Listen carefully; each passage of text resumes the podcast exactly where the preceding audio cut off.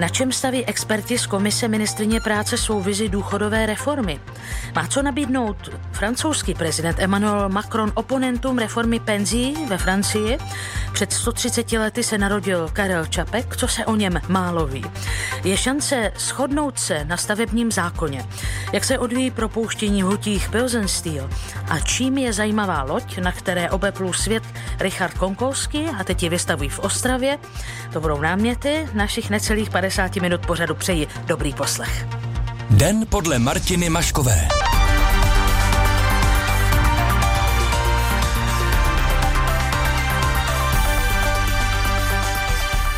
Ráno se sejde Komise pro spravedlivé důchody a příští týden v úterý má o důchodech jednat také vládní koalice.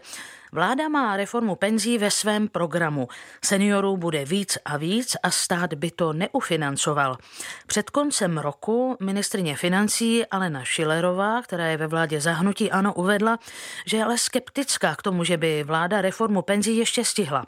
Dnes premiér Andrej Babiš řekl, že je třeba řešit hlavně staré křivdy v penzijním systému a rozdíly v penzích mužů a žen.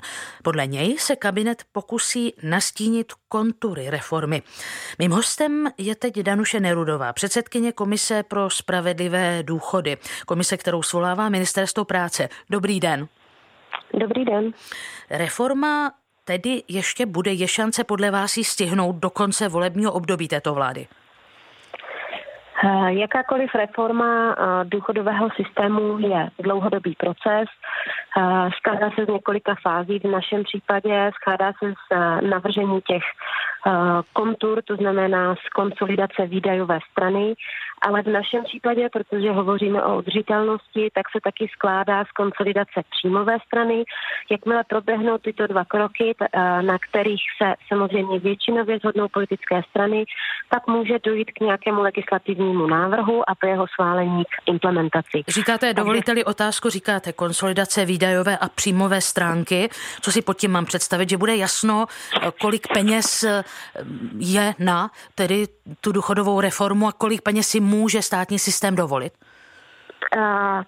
Pod tím si prosím pěkně představte právě narýsování těch základních uh, kontur na té výdajové straně, to znamená docílení situace, kdy budou nějaké důstojné důchody, které nebudou pod úrovní životního minima jednotlivců.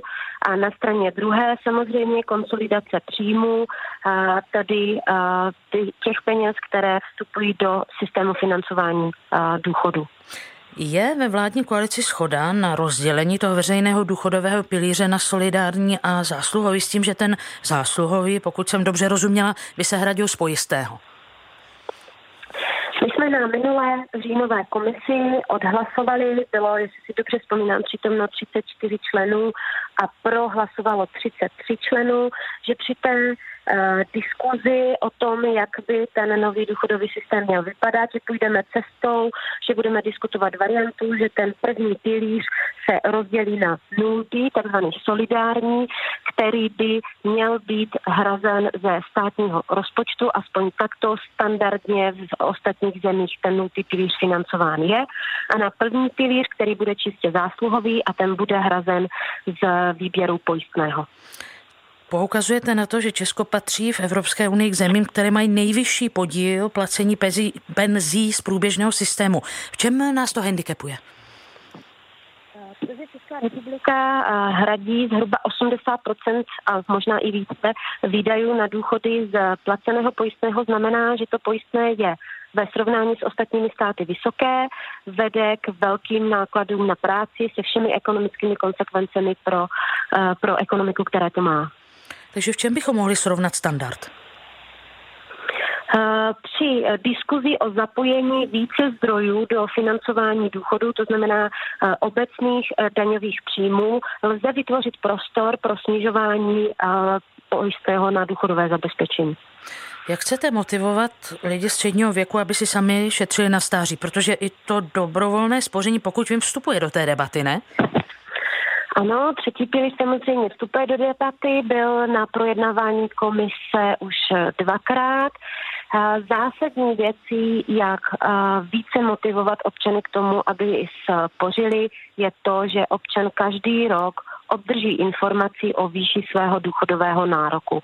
Současný velmi komplikovaný systém výpočtu důchodu neumožňuje technicky Eh, občany každoročně o té částce informovat. Právě ten design rozdělení prvního pilíře na nultý a první se všemi technickými parametry, které budeme diskutovat na komisi, umožňuje informovat každoročně každého občana o tom, jaká je výška jeho důchodového nároku, což by pro něho měla být informace o tom, zda mu tato částka v důchodu bude stačit, nebo zda bude potřebovat dospořovat v třetím pilíři, tak aby to pro něho ten vstup do důchodu neznamenal zdazný pokles životní úrovně. Premiér Andrej Babiš v listopadu uvedl, že pokud se Česku bude dařit, tak by se mohl důchodový věk případně z těch 65 let snížit. Teď se každý rok zvedá o několik měsíců. Po debatách eh, v té vaší komisi. Eh, je to představitelné? Je na tom jako expertní schoda, že by se takto mohlo postupovat? Z mého pohledu jako experta to moc představitelné není. Uh, myslím si, že je skutečně na pořadu dne uh, diskuze o zapojení uh, procenta ze státního rozpočtu. Já osobně uh, nevidím prostor pro to, aby mohl být snížen věk odchodu do důchodu. Pokud vím, tak vláda má případně ten věk odchodu do důchodu upravovat, abychom byli v penzi čtvrtinu života. To ještě odpovídá těm vašim parametrům nebo představám? Tohle to je nějaký úzus, na kterém se dohodla předchozí důchodová komise. Tady ten důchodový věk se přehodnocuje každých pět let. Pokud si dobře vzpomínám, tento rok v červnu došlo na diskuzi o tom, zda je potřeba posouvat věk odchodu do důchodu.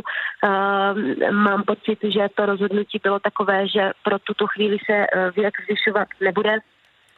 Ono je to do jisté míry nikoliv expertní, ale politické rozhodnutí. Danuše Nerudová, předsedkyně Komise pro spravedlivé důchody, komise, kterou svolává Ministerstvo práce. Děkuji vám za rozhovor. Naschledanou. Naschledanou. Posloucháte Český rozhlas Plus. V celé Francii dnes odbory zorganizovali před 200 demonstrací a důvodem je také plánovaná reforma penzí. Tentokrát z protesty začala menší města, Tours, Limoges, Clermont-Ferrand tu, nebo i další a pak se přidala ta větší města, třeba Lyon, Toulouse nebo Marseille. Nynější protestní vlna trvá už 36 dní. V začátcích protestů se účastnili stovky tisíc lidí. Úředníci, učitelé, dělníci z přístavu a rafinérii. Do Paříže teď volám Petru Janiškovi, publicistovi, který dříve ve Francii působil jako český velvyslanec. Dobrý den. Eh, dobré odpoledne. Jak to v Paříži vypadalo tentokrát? Byla stávka vidět na první pohled nebo spíš jenom kolem svého centra, kolem náměstí republiky a okolí? Tak jak říkáte, byla vidět na náměstí republiky okolí a jinak to město se vůbec netýká. Lidi tady normálně žijí, eh, v tom městě to nikde není vidět. A kromě toho, že nejezdí metro, to samozřejmě je veliký problém a eh, mnoho lidí s tím má, mm, je to pro ně obtížné dostat se do práce.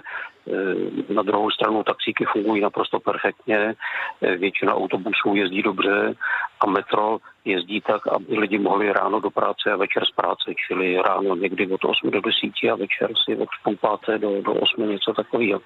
Takže eh, na ten, já to říkám, protože u nás je někdy představa, že eh, Paříž pomalu hoří nebo že jsou tady barikády, nic takového. Běží tady úplně normální život všech lidí, ale s tou opravou je to obtížné. Ale to je tedy změna oproti těm úplným začátkům protestů, kdy byly stovky lidí v ulici, stovky tisíc lidí v ulicích. té manifestaci, která dneska tady běží v Paříži, já jsem na ní byl, teď jsem před chvíličkou odešel, tak tam jsou stovky tisíc, podle odborů 300 tisíc, mm. podle policie asi daleko méně, ale to se týká toho průvodu, který jde těmi velkými bulváry, ale jinak se to města vůbec netýká. A ten průvod je velmi klidný, je tam samozřejmě spousta, spousta transparentů, velké balony. Když se podíváte na účastník, tak to většinou lidé střední generace a starší generace, to je logické, protože duchu se týkají především jich, ale um, asi tam se taky dostanou nějaké skupinky těch rváčů, ale to samozřejmě není většina a um, pochodují tam lidé úplně normální, jaké vidíte ve všech pražských ulicích třeba. Odborářům z CFDT, kteří jsou tedy hlavními vyjednavači, vadí hlavně návrhy, které by nutili eh, lidi odkládat odchod do penze do 64 let. Zákon praví, že je to 62 let. Je nějaká šance na domluvu, kompromis? Eh, ke kompromisu rozhodně dojde. Eh, už to naznačovalo několik členů francouzské vlády v úterý po těch vánočních svátcích, tak teďka v úterý eh, zasedala vláda, jednala s eh, odbory a je jasné, že ta vláda udělá ústupky. Ona už nakonec některé eh, ohlásila zcela veřejně, že řekla, že udělá ústupky policistům, pilotům a letuškám, dokonce baletkám z pařížské opery. Takže to je začátek toho, že ústupky budou.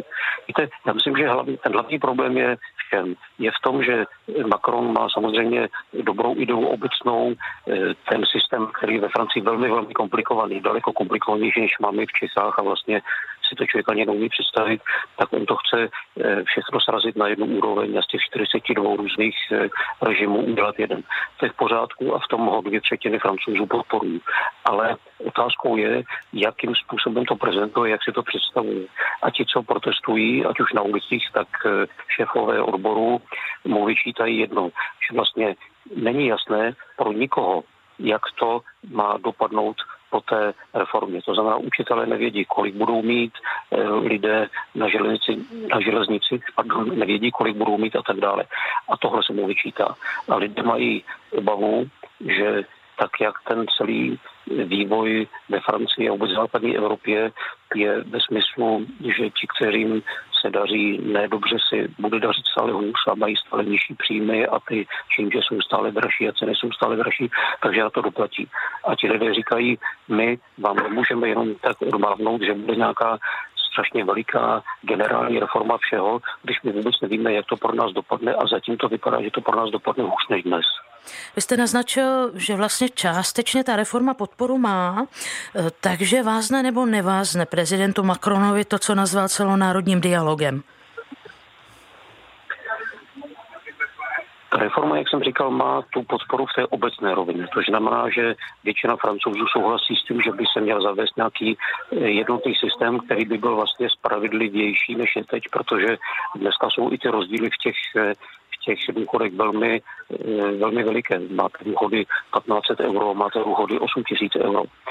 Ale ten jsou veliké obavy, že Macron e, není doposud schopen tu svoji reformu vyčíslit a ukázat jednotlivým profesím, co by to pro ně znamenalo, jaký věk, zvýšení nebo snížení, od kdy a jak.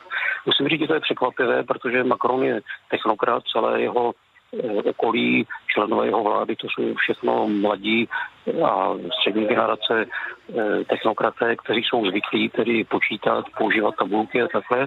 A v tomto případu Francie je dost překvapená, že Macron se chová jaksi velmi napoleonsky a e, tu reformu představuje spíš tak, že ji vymyslel, že bude ideální pro všechny a že ji vnutí za každou cenu. Ale nemůžete lidem říkat, já vím líp než vy, co je pro vás dobré a já vám to vnutím. To je, myslím, jádro problému a proto lidé protestují. Mezi stávkujícími je údajně 16 až 19% učitelů, čili této profese se to nějak zvlášť dotkne, ta připravovaná reforma? Myslím si, že se jí dotkne tak jako mnoha jiných, ale protože učitelé jsou tady státní zaměstnanci, takže mají jaksi svoji práci jistou, tak to už je tradice francouzská, že oni jsou vždycky podstatnou součástí různých eh, protestů a manifestací. Pokladní ze samošky paní, která někde uklízí, si samozřejmě nemůže dovolit jít demonstrovat, protože by asi vyhodili z práce, kdyby tam nepřišla a tak dále. Když v těch školách, tam je právo na stávku svatosvaté a tam myslím si, že většina škol, ne všechny dneska stávkují v Paříži. Petr Janiška, publicista a někdejší český velvyslanec ve Francii. Zdravím vám do, vás do Paříže a děkuji vám. Děkuji pěkně a zdravím do Prahy. Nasledanou. Karel Čapek by dnes oslavil 130. narozeniny. Abychom se na něj naladili, poslechněte si úvodní věty z románu Obyčejný život. Pro Český rozhlas Vltava načetl Igor Bareš. Ale jděte, Podivil se starý pan Popel. Tak on už umřel? A co mu vlastně bylo?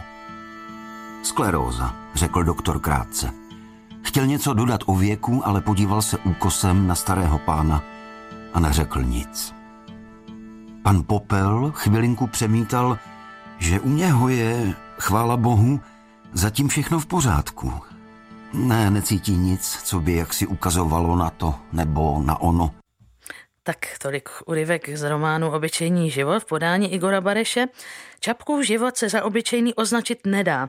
Syn lékaře z Malých Svatoňovic v jednom ze svých textů uvedl, že se svým způsobem také, teď cituji, snaží doktorovat, hojit lidi, pomáhat jim v jejich bolesti. Jako autor pro poezie, cestopisů i pohádek výrazně promlouval nejenom do literatury, ale i do prvorepublikového a pak meziválečného veřejného života. A jak víme, jeho tvorba měla i originální filozofický přesah. Nenadarmo byla nedávno jedna z exoplanet pojmenována Makropulos v odkazu na slavné Čapkovo drama. Mým hostem je teď Kristýna Váňová, bývalá ředitelka památníku Karla Čapka, která se tuto osobností zabývá velkou část své profesní dráhy. Dobrý den. Dobrý den. Tak v jakých oblastech byl podle vás Čapek tím ranhojičem? Dařilo se mu to, co si přece vzal třeba i v jeho portrétech lidí na okraji společnosti, mapování sociálních rozdílů?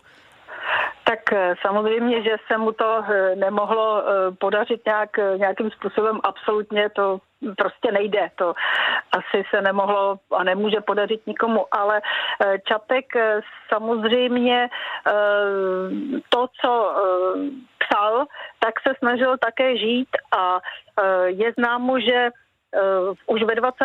letech spolu tedy s policií Eh, podnikl eh, takové výpravy do okrajových eh, částí Prahy, kde tehdy tedy žili ti nejubožejší a velice to, co tam viděl, tak se ho osobně tedy velice dotklo a nejenže o tom psal potom do novin, ale on se snažil i v té osobní rovině pomáhat.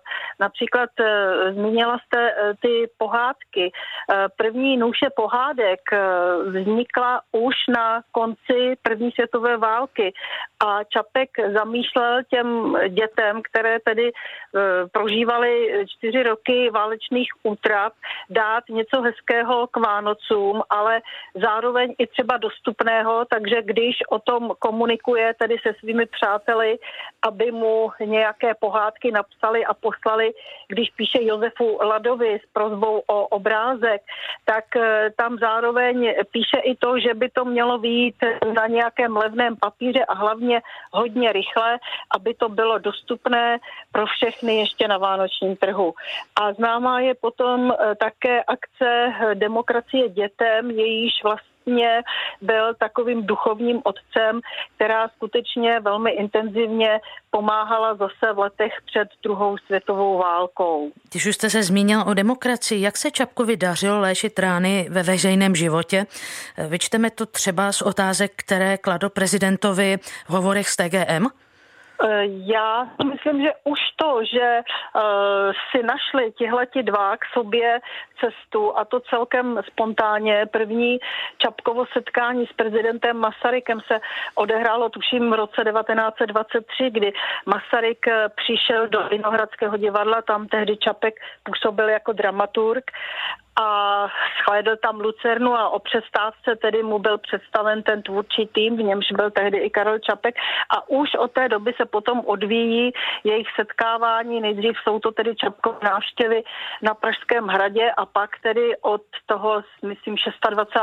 roku eh, to bylo setkávání s pátečníky, čili se zástupci té nově se rodící eh, československé demokracie s těmi intelektuály, kdy eh, to byl takový pánský debatní klub, kde eh, třeba i Masaryk naslouchal a samozřejmě, že se tam nic ne, jak se zásadního neupeklo, ale uh, to, že si naslouchali, že si tam vyměňovali názory, že uh, třeba tam byli lidé z uh, různých konců toho politického nebo z různých částí toho politického spektra a byli schopní se dohodnout na půdě Čapkova domu, tak to si myslím, že je důkaz toho, že skutečně byl přesvědčený demokrat.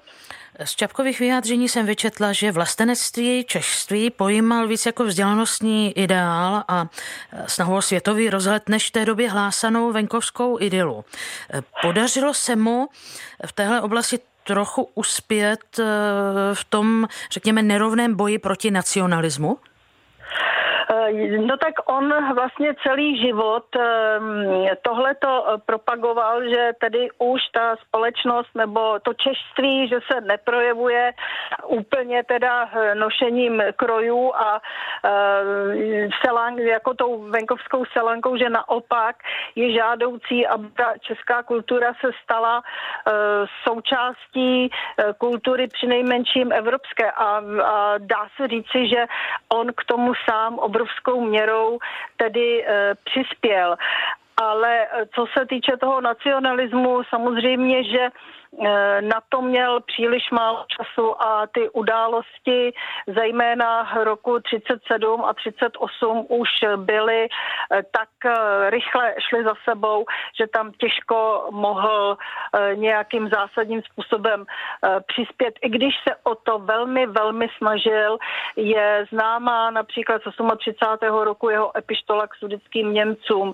Měl požadavky na, protože v Německu Německu už jela eh, propaganda Goebbelsovská eh, na vysoké úrovni, že, že to tak tedy musím říct. A eh, Československo tehdy nebylo schopné na to zareagovat, aby tedy tady tu národnostní menšinu německou nějak oslovilo. A Čapek se v tomto směru velmi, velmi snažil. A když tyto jeho snahy nějak se začaly realizovat, tak v podstatě přišel Mnichov jak eh, léčil své vlastní rány, protože třeba dopisů, v nich na něj útočili nenávistní lidé, zvláště z okruhu, dnes bychom asi řekli nacionalistů nebo krajní pravice, je patrné, že eh, to nemuselo být lehké. Nebylo, rozhodně to nebylo lehké, zvlášť pro něj, který e, měl prostě důvěru v člověka a e, teď e, to obrovské zklamání, které tady nastalo v důsledku tady těch událostí z podzimu roku 38, tak vlastně se projevovalo také tím, že se tedy hledal vyník a paradoxně bylo často poukazováno na Čapka, který jako byl znám jako přítel Masarykův a e, nakonec i Benešův a e, že tedy vlastně to byl on, kdo zavinil víceméně zhroucení tedy té e, prvorepublikové demokracie a politiky. Ale on měl, já si myslím, že měl dva léky. Eh, v prvé řadě to, co známe, eh, fyzická práce. Přestože Čapek byl člověk křehkého zdraví a křehké eh, tělesné konstituce, tak v tě, právě v těch podzimních měsících vykonával fyzickou práci na svém letním sídle právě tady ve Staré Huti, ve Strži, kdy třeba jenom tím, že e, prostě odstraňoval kameny a nánosy bahna ze zahrady, tím, že e, pomáhal zedníkům, aspoň teda v nějakých drobných e, pracích, tak tímto způsobem trávil čas a vlastně se tak trochu léčil, i když samozřejmě to bylo paradoxní, protože naopak ten jeho fyzický stav se v této době zhoršoval. A tím druhým lékem, a tomu věřím, byl jeho vztah tehdy už s manželkou Olgou Šajnflugovou, která byla prostě vedle něho. Byla to asi rázná žena, která v momentě, kdyby se propadal do nějakých prostě depresí a úvah velice tedy negativních, tak ho z toho dokázala nějakým způsobem aspoň tedy chvilkově dostat. Kristýna Váňová, bývalá ředitelka památníku Karla Čapka. Děkuji vám, nashledanou. Nashledanou. Posloucháte Den podle Martiny Maškové. Výběr událostí s nezaměnitelným rukopisem. Premiéra od pondělí do pátku po 17. hodině na Plusu. Návrh nového stavebního zákona by se měl do sněmovny dostat do září. Ministerstvo pro místní rozvoj, které normu připravuje, teď bude vypořádávat všechny připomínky, kterých se sešly tisíce. Ministrině Klára Dostálová, která je ve vládě zahnutí ANO, v úterý připustila, že je připravena zopakovat mezirezortní připomínkové řízení. Návrh zákona kritizují organizace hájící zájmy měst a obcí, hasiči, památkáři a nebo ochránci životního prostředí. U telefonu mám Petru Kolínskou z Asociace ekologických organizací Zelený kruh. Dobrý den. Dobrý podvečer. A slovo dostane poslanec zahnutí ANO, předseda sněmovního dopravního výboru Martin Kolovratník. Dobrý den i vám. Děkuji za pozvání, dobrý večer. Paní Kolinská, ministrině Dostálová dala najevo ochotu zopakovat tedy mezirezortní řízení. To je posun, ne? To je posunula nedostatečný, protože ten legislativní zmetek, který teďka prochází tím připomínkováním, se prostě zapracováváním připomínek zlepšit nedá. A vlastně to protahování té agonie brání tomu, aby začala debata o opravdu novém a lepším zákoně. Pane poslanče, nový a lepší zákon je podle vás možné, nebo je, je možnost vrátit se na úplný začátek? Eh, myslím si, že je to zbytečné. To, co teď moje oponentka eh, vyslovila do éteru, považuji za poměrně skandální. Tady mluvit o nějakém legislativním zmetku nebo něčem špatném. A rád bych se teda paní kolegyně zeptal, co, co si představuje pod tím novým zákonem, co by mělo jestli být. Jestli dovolíte, pane poslanče, jestli dovolíte, já bych se ptala vás teď, eh, vy se tedy domníváte, že ani přesto, že se sešly tisíce připomínek, tak není možné připravovat nový zákon tak samozřejmě možné je všechno, možné připravit můžeme vše, ale a teď budu smírnější a možná omlouvám se za ten příliš příkrý tón, který jsem zvolil na začátku. Myslím si, že je to zbytečné. Uznáváme to, že eh, ta norma, ten návrh je revoluční, že opravdu, že je to strukturální změna, ale je to změna, o které jsme přesvědčeni, že ji Česká republika potřebujeme. Je to potřebné pro naši ekonomiku, pro rozvoj. Já se na to dívám především z pohledu dopravy, dopravního stavitelství, pro dokončení té základní sítě dálnic, vysokorychlostních železnic, ekologických ekologické dopravy a opravdu nám se to stavitelství zkrátka nedaří. A myslím si, že postoj kolegyně Dostálové je velmi rozumný, velmi správný. Těch připomínek je zhruba 4,5 tisíce k tomu samotnému meritu, 2,5 tisíce ke změnovému zákonu a je snaha Ministerstva pro místní rozvoj dosáhnout maximálního kompromisu a se všemi zúčastněnými jednat a najít tu schodu. Ilustračně velmi krátce mohu říct, že dnes jednala s ministrem za Orálkem, se zástupcem tedy Ministerstva kultury o ochraně památek a kolegové se ujistili, že ta ochrana českého národního dědictví těch památek ohrožena v žádném případě tím novým zákonem nebude. Takže já vůbec nevidím důvod k tomu, proč bychom se měli vracet na začátek. Ano, to už jste řekl, jako jestli dovolíte. Ano, ano, rozuměli jsme vašemu argumentu, paní Kolinská, teď argument váš. Eh, pokud by tedy pokračovalo vlastně to vypořádávání připomínek a nešlo by se na úplný začátek, co podle vás je taková ta, nebo z vašeho pohledu hlavní bolest toho zákona? Co je potřeba především změnit? Hlavní bolest toho zákona je, že vzniká bez znalosti příčin těch problémů, v kterých jsme. Tento stát, toto ministerstvo, které zákon připravuje, nedisponuje žádnou, žádnou kvalitativní analýzou rozhodovacích procesů a my prostě nevíme, proč ty věci podle současného zákona nefungují. Taky jsme přeskočili rešerši zahraniční praxe. Eh, pan poslanec eh, zhlíží s obdivem k silnicím v Německu a k železnicím eh, ve Švýcarsku. A já se ptám, proč se nepodíváme do těchto zemí, co tam v té legislativě dobře funguje a proč se to žádným způsobem neprojevilo v tom návrhu. Ale především celý ten princip toho zákona, na kterých je postaven, což je centralizace státní moci, okleštění pravomocí samozpráv a sebrání uh, práv vlastníkům nemovitostí. To jsou základy toho zákona a ty prostě opravit v připomínkovacím řízení nelze a i paní ministrně řekla, že na těch principech nic měnit nehodlá. Jestli dovolíte, Takže... já zase dám slovo panu poslanci. Tohle jsou vlastně vážné kritické připomínky. Jak vy se díváte na tu kritiku údajně přílišné centralizace, tedy vzniku toho jednotného stavebního úřadu? Eh, já té kritice paní Kolinské vůbec nerozumím. Přijde mi naprosto zbytečně, eh, zbytečně útočná. Eh, je to nepochopení. Samozřejmě, že ministerstvo pro místní rozvoj tu analýzu má, zanalizovalo, zmapovalo si důvody, proč systémy nefungují a ty důvody jsou velmi jednoduché pro posluchače. Každý stavebník dnes musí oběhat desítky, 40, 50, 60 razítek a není to primárně o centralizaci, ale je to primárně o digitalizaci, o vstupu do 21. století, o digitálním oběhu dokumentu, o tom, aby každý odpovědný úředník, který bude rozhodovat, si mohl sdílet ty materiály v počítači, vidět je na dálku, požádat si o nějaké doplnění, požádat si právě třeba i o ty dotčené sousedy, majitele nemovitostí, e, dotčené obce a podobně. Takže omlouvám se oponentce, ale já se obávám, že trošku je to úplné nepochopení celé věci. Paní Kolinská, v té úvaze, že stavební zřízení by bylo dobré zjednodušit, zrychlit, v tom je asi minimální schoda vás a vládních e, představitelů. To je absolutní schoda, dokonce se shoduji s panem poslancem v tom, že je potřeba celý proces digitalizovat digitalizovat a je velká ostuda, že to ještě není, když máme 21. století.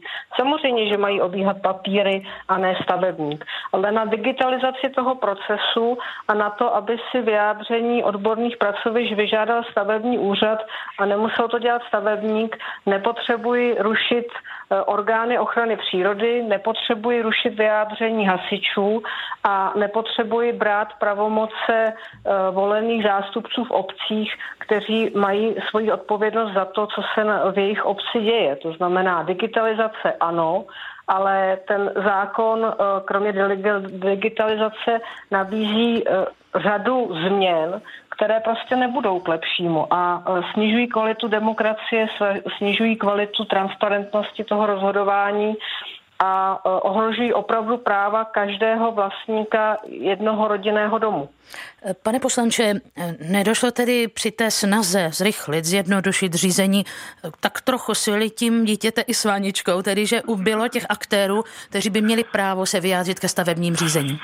Já když jsem to poslouchal, tak mě přesně tento obrat napadl. Já chci poděkovat za to, že minimálně na té digitalizaci, na té modernizaci se shodneme, ale já si nemyslím, že by eh, byla něčí práva omezována. To, co před chvílí zaznělo, že někdo ruší orgány ochrany přírody nebo ruší vyjádření hasičů, hygieny a podobně, to přeci není pravda. Opět je to možná nepochopení tyto dotčené orgány, tito odborníci nadále se budou ke stavebním řízením vyjadřovat, pouze ale organizačně budou zařazeni někde jinde, budou vlastně součástí toho plánovaného centrálního stavebního úřadu.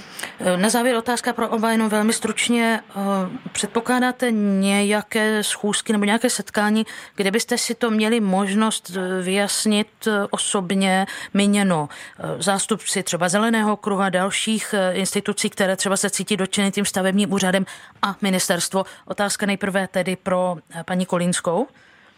My jsme k té debatě připraveni, velmi rádi k takovému kulatému stolu přijdeme, ale zatím jsme žádnou podobnou pozvánku neobdrželi. Pane poslanče, není to pobídka pro vás ve sněmovně něco takového uspořádat?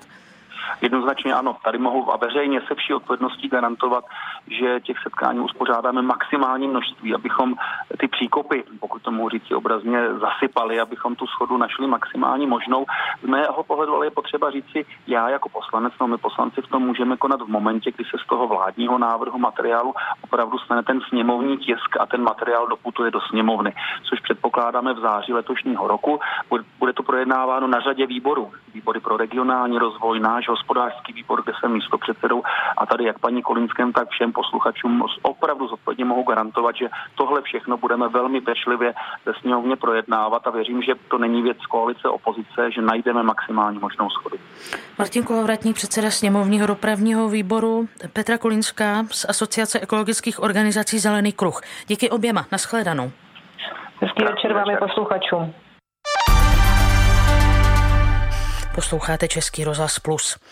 Plzeňské huťákovárny Pilsen Steel, které jsou v konkurzu a už rok nevyrábějí, propustí skoro 500 zaměstnanců. Ve firmě má zůstat zhruba 50 lidí. Insolvenční správce Jaroslav Broš už dříve řekl, že podnik má koupit strategický výrobní partner z oboru. Dnes jednal spolu s vedením firmy a odbory o podmínkách odchodu propuštěných zaměstnanců. U telefonu mám předsedkyně odboru Pilsen Steel Ivanu Smolkovou. Dobrý den.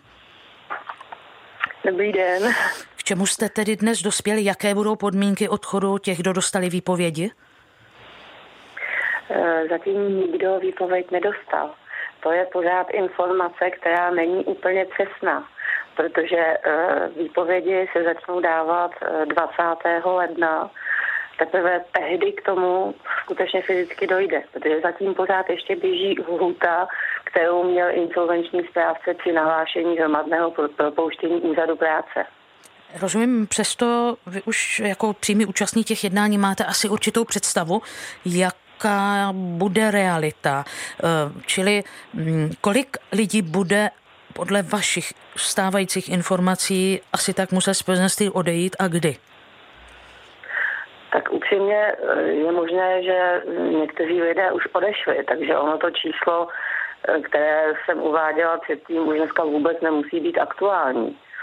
Protože hm, pochopitelně, že někteří zaměstnanci už mohli ukončit v podstatě ještě před ukončením roku 2019 pracovní poměr, takže úplně aktuální číslo vám neřeknu. Protože já jsem vlastně měla materiály 20. prosince a to už dneska vůbec nemusí odpovídat té, té realitě. Rozumím, ale řádově, řádově se to schyluje k tomu, že budoucí tedy stav eh, budou stovky lidí propuštěných. No to určitě, to určitě, ale jinak jako přesné číslo to by byla otázka na personalistku paní inženýrku Zíkovou, než na mě. Hmm. Předpokládám, že spolupracujete s úřadem práce a že lidé z Plzeňství už si mapují ten trh práce. Jakou mají šanci najít si v Plzni a okolí podobnou práci, jakou dělali dosud? Tak eh, úřad práce v první řadě nabízí možnost té kvalifikace a tu už ale nabízel eh, ještě v průběhu toho minulého roku i těm, kteří nebyli zaevidováni na úřadu práce bohužel nějaký velký zájem na využití nebyl.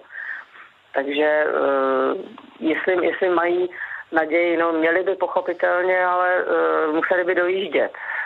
Srovnatelný uh, výrobní závod, jako byl ten náš, je, pokud se nemýlím, v Chomutově a um, železárny Hrádek, no to asi ne, protože já si myslím, že ty jsou možná ještě v horší, no ne úplně tak špatné, ale, ale nejsou v dobré situaci, takže já si myslím, že by šli z deště pod okap, takže srovnatelný jedině v blízkosti je ten Chomutov. A můžete prosím... Nic bližšího, ano. nic mhm. bližšího neznám. Rozumím, můžete prosím eh, případně uvést nějaké příklady profesí, kterých se to týká a tedy eh, jaké asi tak oblasti, v jakém oboru by si ti propuštění lidé mohli hledat práci? Tak pochopitelně máme tam eh, kováře, jsou tam údržbáři, jsou tam strojní obráběči kovů, jsou tam slévači, eh, jsou tam hutníci, eh, máte tam v podstatě modeláře, to je, to je teda práce s pěvem. Tak těch, těch profesí je tam spousta. No. Máte tam technicko-hospodářské pracovníky, máte tam administrativní síly, těch je spousta. Ano, ano. E, už vám vedení firmy nebo investiční správce potvrdili, že Plzeň Steel koupí německá skupina Maxce Eichra a pokud ano, o jakou jde firmu? Zatím ještě ne. E, myslím si, že to je na panu insolvenčním správci, aby takovou věc potvrdil nebo vyvrátil. A o jakou jde firmu? To vám taky nepovím. To se zeptejte pana insolvenčního správce. Jinými slovy, tady ty debaty... Teď momentálně skutečně jako, mm, jo, mm, eh, Ráda bych vám eh, řekla nějakou uspokojivou odpověď, ale eh, momentálně to není jako otázka na mě. Jinými slovy, otázka. Ano, jinými slovy, ani na těch jednáních s vedením firmy nemluvíte o té budoucnosti, o tedy tom investorovi, který by se případně zajímal o zkrachovalé plzeňské oťákovárny Pilsen Steel? Ono zatím uh, nějaké oficiální prohlášení ze strany uh, jako zaměstnavatele v podstatě nebylo, nebylo vůbec jako vůči zaměstnancům nějaké komplexní. Dneska jsem požádala pana doktora Brože, jestli by byl tak hodný a e, věnoval se tomu a skutečně nějaké prohlášení vůči zaměstnancům udělal, protože e, myslím tím nějakou písemnou podobu, ať už teda na webových stránkách Pilzon Steel nebo e, na tom insolvenčním serveru, protože e, pravda je, že jestli něco zaměstnancům opravdu zoufale chybí, tak je to komplexní informace o současné situaci. Ale jedna věc je to oficiální vyhlášení a druhá, jestli se to z vašeho pohledu blíží realitě. Vás tedy jako přímé účastnice těch jednání. Je něco takového vůbec tedy v úvaze? Připadá to v úvahu? Teď nevím, co myslíte, co připadá v úvahu. To, že by Plzeň Steel koupila skupina Maxe Eichra. O, tak možné to je. Ivana Smolková, předsedkyně odboru Pilsen Steel. Děkuji vám. Naschledanou. Není zač, naschledanou. Když chcete vědět proč. Český rozhlas plus. Slavná modrobílá loď Nike, kterou si mořeplavec Richard Konkovsky sám postavil v panelákovém sklepě a pak s ní obeplul svět, se znovu vydala na cestu, ale tentokrát po souši. Plavidlo se z Národního technického muzea v Praze vydalo do Ostravy. Na rok ho vystaví v tamním malém světě techniky U6 v Dolních Vítkovicích. Richarda Konkovského teď zdravím po telefonu. Dobrý den. Dobrý den, dobrý večer. Vám i divákům. Vaše loď eh, dorazila na místo právě dnes. Jaká byla cesta? Nebál jste se, že Nike přijde k úrazu? Ne, to Nike cestovala na, na korbě nakladě jako hodněkrát. Vlastně každá plavba, eh, která začínala už tehdy v, těm, v tom 71. nebo druhém nebo pozdějším roce, tak vlastně začínala tím, že se naložila v Bohumě na nakladák a dovezla se k moři takže to, na to jsem byl zvyklý a v dnešní době ty nakladáky jsou lepší než kdysi. Takový ohromný jeřáb, který to zvedal do prostoru u šestky v Dolních Vítkovicích jsem v životě pomalu ani neviděl, takže ne, technika je fajn a ta parta, která to stěhovala, ta byla opravdu velmi výborná, jako udělali perfektní job, absolutně jsem nemusel mít ani ten nejmenší strach, že by jí škrabli. Když už se tak mm, milé nazval naše posluchače diváky, tak já bych moc ráda teď byla eh, divákem, no. abych se mohla při tom našem rozhovoru podívat na Niké. Pokud vím, tak má délku 7,5 metru, na šířku lehce přes 2 metry. Necítil jste se... 30, no. Ano, necítil jste se na té lodi někdy stísněně? No tak eh, pochopitelně byl jsem mladý, když jsem začal se plavby a každý mladý člověk je nesmrtelný, nebo aspoň si to myslí, že je nesmrtelný. A já jsem měl dost velkou praxi jednak z okruhového jachtingu, tak vlastně jsem hodně eh, praxe získal v Polsku na Severním moři, na Balckém moři, tak nějaké ty, tu praxi jsem měl, ale pochopitelně při těch prvních plavbách přes tak velkou vodu, jako je Atlantik, jsem nevěděl, co mě čeká, že to a faktem je to, že eh, na té Nike jsem zažil krásné zažitky, ale tež prostě hodněkrát mi šlo o krk a musím přiznat, že čím je člověk starší, čím má více zkušeností, tím větší má respekt k přírodě a tím častěji má strach, jako to jde uh, ruku v ruce. No ale ten strach, ten se musí nějak vždycky prostě zvládnout. No, to jako, no a navíc eh, samozřejmě potom, když máte trochu strach a víte, co ta příroda dokáže, tak eh, věnujete daleko více přípravě, času přípravě na to, aby prostě jste byli připraveni na ty krizové situace, které se mohou nastat. Si je dovedete už dopředu představit. Kde a kdy jste narazil na největší překážky, problémy?